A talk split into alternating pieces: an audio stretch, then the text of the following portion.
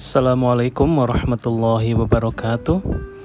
Ketemu lagi bareng saya Boris Hasian di podcast Belajar UX Kali ini di Jumat ini mungkin nggak bahas desain atau UX dulu.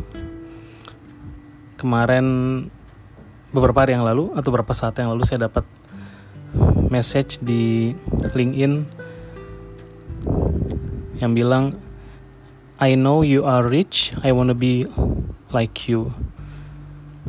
Kemudian setelah saya jawab segala macam, akhirnya dia bilang tentang dapat rumor tentang penghasilan saya berapa, dia pengen punya penghasilan seperti itu juga. Jawaban saya ke adik tersebut adalah bahwa uang itu kalau kita jadikan uang sebagai tujuan utama, dia itu jadi pembatas potensi kita. Contoh paling gampang saya cerita waktu saya dapat kerjaan awal-awal karir itu gaji sebulan itu se sejuta dua ratusan. Jadi kalau didolarin cuma 120 dolar gitu ya. Nah kalau kita mikir gaji saya dulu cuma sejuta dua ratus,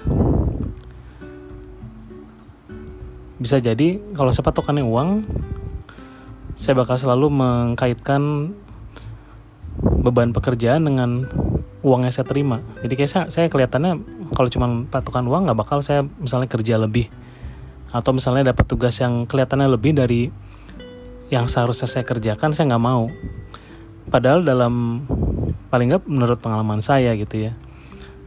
Cara kita buat tumbuh itu kita selalu ngerjain hal yang di luar uh, level kita sekarang. Jadi misalnya dulu saya cuma staff biasa, kemudian saya dapat tanggung jawab atau saya mengambil inisiatif buat ngerjain hal yang harusnya yang mungkin level manager yang ngerjain. Dan seringnya dalam karir itu sebelum kita naik kita harus berperilaku seperti uh, level atau role yang kita mau tuju. Misalnya kita belum jadi head of design atau belum jadi kepala bagian misalnya masih staff biasa. Nah orang-orang biasanya nantinya bakal naik jadi head of design atau jadi kepala bagian itu orang yang tadinya staff, tapi dia menunjukkan inisiatif dan dia menunjukkan uh, performance pekerjaan yang udah seperti manager atau seperti head of design. Jadi kalau kita hanya patokannya uang, saya kerja segini, saya dapatnya segini, itu kita nggak bakal bisa berkembang dalam hal uh, belajar dan juga dalam uh, pencapaian di karir. Hal lainnya tentang uang juga adalah bahwa uang itu kalau buat saya lebih kepada uh, side effect. Setelah kita mengerjakan sesuatu yang bagus, itu baru kita dapat hadiahnya uang. Kalau buat saya selalu patokannya itu adalah impact apa sih manfaatnya buat orang gitu? Bukan apa yang bisa saya dapat. Kalau kita patokannya uang itu kan buat kita diri sendiri. Tapi kalau kita merubah fokus kita terhadap impact dari kerjaan kita terhadap orang lain nanti uang bakal dapat sendiri. Dan uang juga uang itu kan mater, material ya material. Jadi semua yang semua hal-hal yang material itu kan terbatas. Dan kita nggak bisa selalu apa namanya uh, kalau saya sendiri tidak mengkaitkan pencapaian atau kesuksesan dengan uang. Karena kalau kita bicara uang wah susah gitu ya patokannya ada yang uh, dengan berbagai faktor kayak misalnya Jeff Bezos bisa kayaannya billions hundreds of billions of dollars gitu kan. Jadi kita bakal ngerasa kayak wah kita kurang terus gitu karena selalu ada yang lebih dari kita gitu. Dan kayak Jeff Bezos itu kan satu di antara berapa miliar orang. Jadi kita ya gitu. Jadi kalau patokannya uang akhirnya kita jadi ngerasa kita pencapaian kita kecil dan kita nggak bisa ngerasa bahagia gitu ya. Dan bicara uang lagi uang itu uh, mungkin nanti bisa teman-teman cari tentang positif psychology ada yang ada yang banyak research tentang happiness kebahagiaan. Uh, ada research tentang uang itu uang itu bukan penentu kebahagiaan. Misal saya ambil contoh, misalnya bulan depan